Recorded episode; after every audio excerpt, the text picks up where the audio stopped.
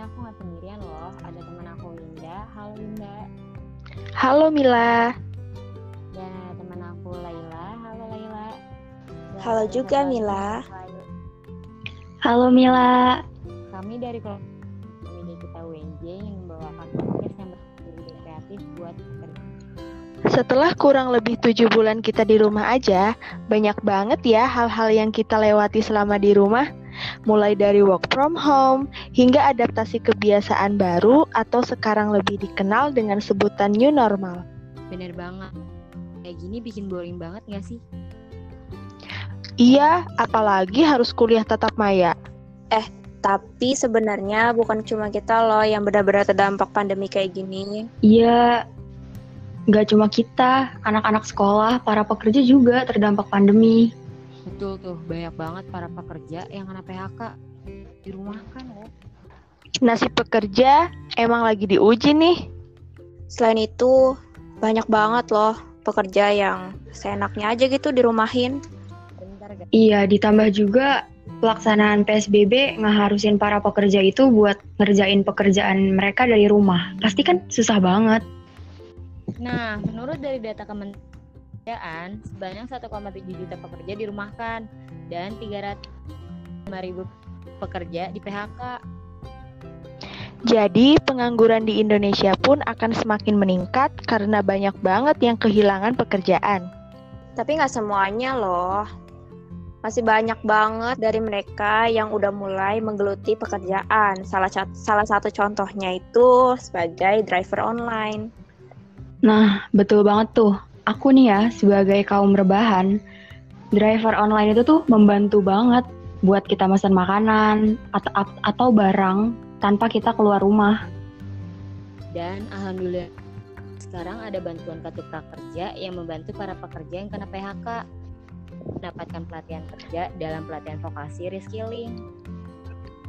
Ditambah lagi, kini para pekerja serta non-pekerja korban PHK yang tercatat dalam BPJS Ketenagakerjaan akan menerima bantuan subsidi upah sesuai ketentuan yang berlaku. Iya, betul banget tuh. September kemarin, bantuan sip- subsidi upah sebesar 600.000 ribu untuk para pekerja melalui Kementerian Ketenagakerjaan. Kalau kayak gitu, nasib para pekerja masih bisa tetap punya pekerjaan dong ya, karena ada bantuan subsidi dari pemerintah, kayak jadi penjahit konveksi, penyuplai penyuplai masker, face shield, atau hand sanitizer. Nah, benar juga tuh. Tapi juga ada lagi yang menjual makanan kering untuk lewat media sosial seperti Facebook dan Instagram. Iya, bener tuh. Bisa juga dengan sistem pre-order untuk makanan yang ingin dijual. Betul banget. Di masa pandemi ini, kita juga harus dituntut tetap kreatif dan inovatif. Hmm, bener banget. Jadi meski lagi pandemi gini, kita harus tetap produktif ya. Atau bisa juga dengan menjual frozen food tuh, karena sekarang banyak banget orang di rumah kan, jadi jarang keluar rumah.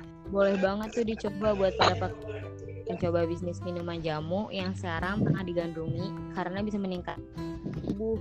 Atau boleh dicoba buat jualan jus sayur dan buah.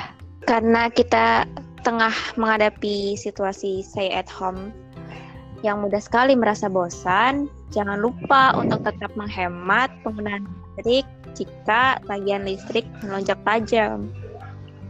Bener banget tuh, jangan sampai nih ya kegiatan kita di rumah ngebuat tagihan listrik jadi bengkak guys. Betul banget tuh. Nah, dari sini ada yang mau mendapatkan lagi nggak? Hmm, kayaknya itu aja deh.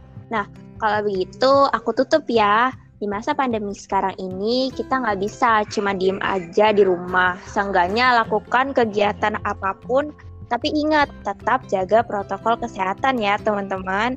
Sekian dari kelompok kami. Kami dari kelompok Selena mengucapkan terima kasih untuk yang sudah mendengarkan sampai akhir. Wassalamualaikum warahmatullahi wabarakatuh.